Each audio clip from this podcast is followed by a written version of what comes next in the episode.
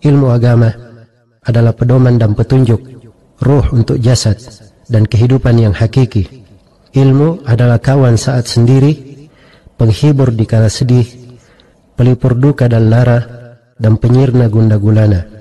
Ilmu adalah jalan keluar untuk segala problem, sumber ide dan semangat, dan petunjuk kepada segala kebaikan.